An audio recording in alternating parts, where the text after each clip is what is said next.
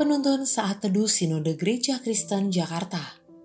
Kamis 16 Desember 2021 Judul Renungan Akibat Melawan Otoritas Allah. Diambil dari Nas 1 Samuel 15 ayat 10 sampai 11 Lalu datanglah firman Tuhan kepada Samuel demikian. Aku menyesal karena aku telah menjadikan Saul raja sebab ia telah berbalik daripada aku dan tidak melaksanakan firmanku. Maka sakit hatilah Samuel dan ia berseru-seru kepada Tuhan semalam-malaman. Tuhan memilih dan mengurapi Saul menjadi raja atas umat Israel.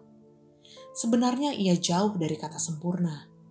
Namun Tuhan memperlengkapi dan memberi hikmat kepada Saul sehingga ia memiliki banyak kualitas hebat dalam mengerjakan tanggung jawabnya, termasuk memerankan perannya sebagai seorang raja. Akan tetapi, seiring berjalannya waktu, dia menjadi seorang raja yang memiliki banyak masalah.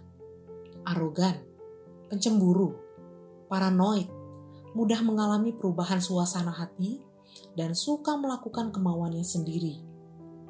Di medan perang, Saul telah membuat keputusan berdasarkan interpretasi dan egonya sendiri. Hal ini memperlihatkan bagaimana Saul mengabaikan otoritas Tuhan dan tidak setia kepada Tuhan. Makanya Tuhan berfirman kepada Samuel demikian. Aku menyesal karena aku telah menjadikan Saul raja.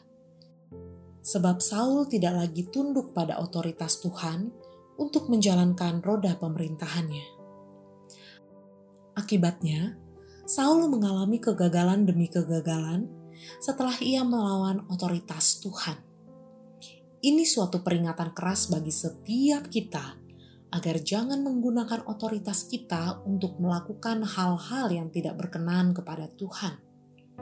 Marilah kita mempergunakan wewenang kita untuk membangun sesuai rencana dan kehendaknya. Waspadalah dan selalu mengandalkan Tuhan dalam perbuatan, perkataan, serta seluruh aspek hidup kita. Dengan cara inilah kita tunduk pada otoritas Tuhan.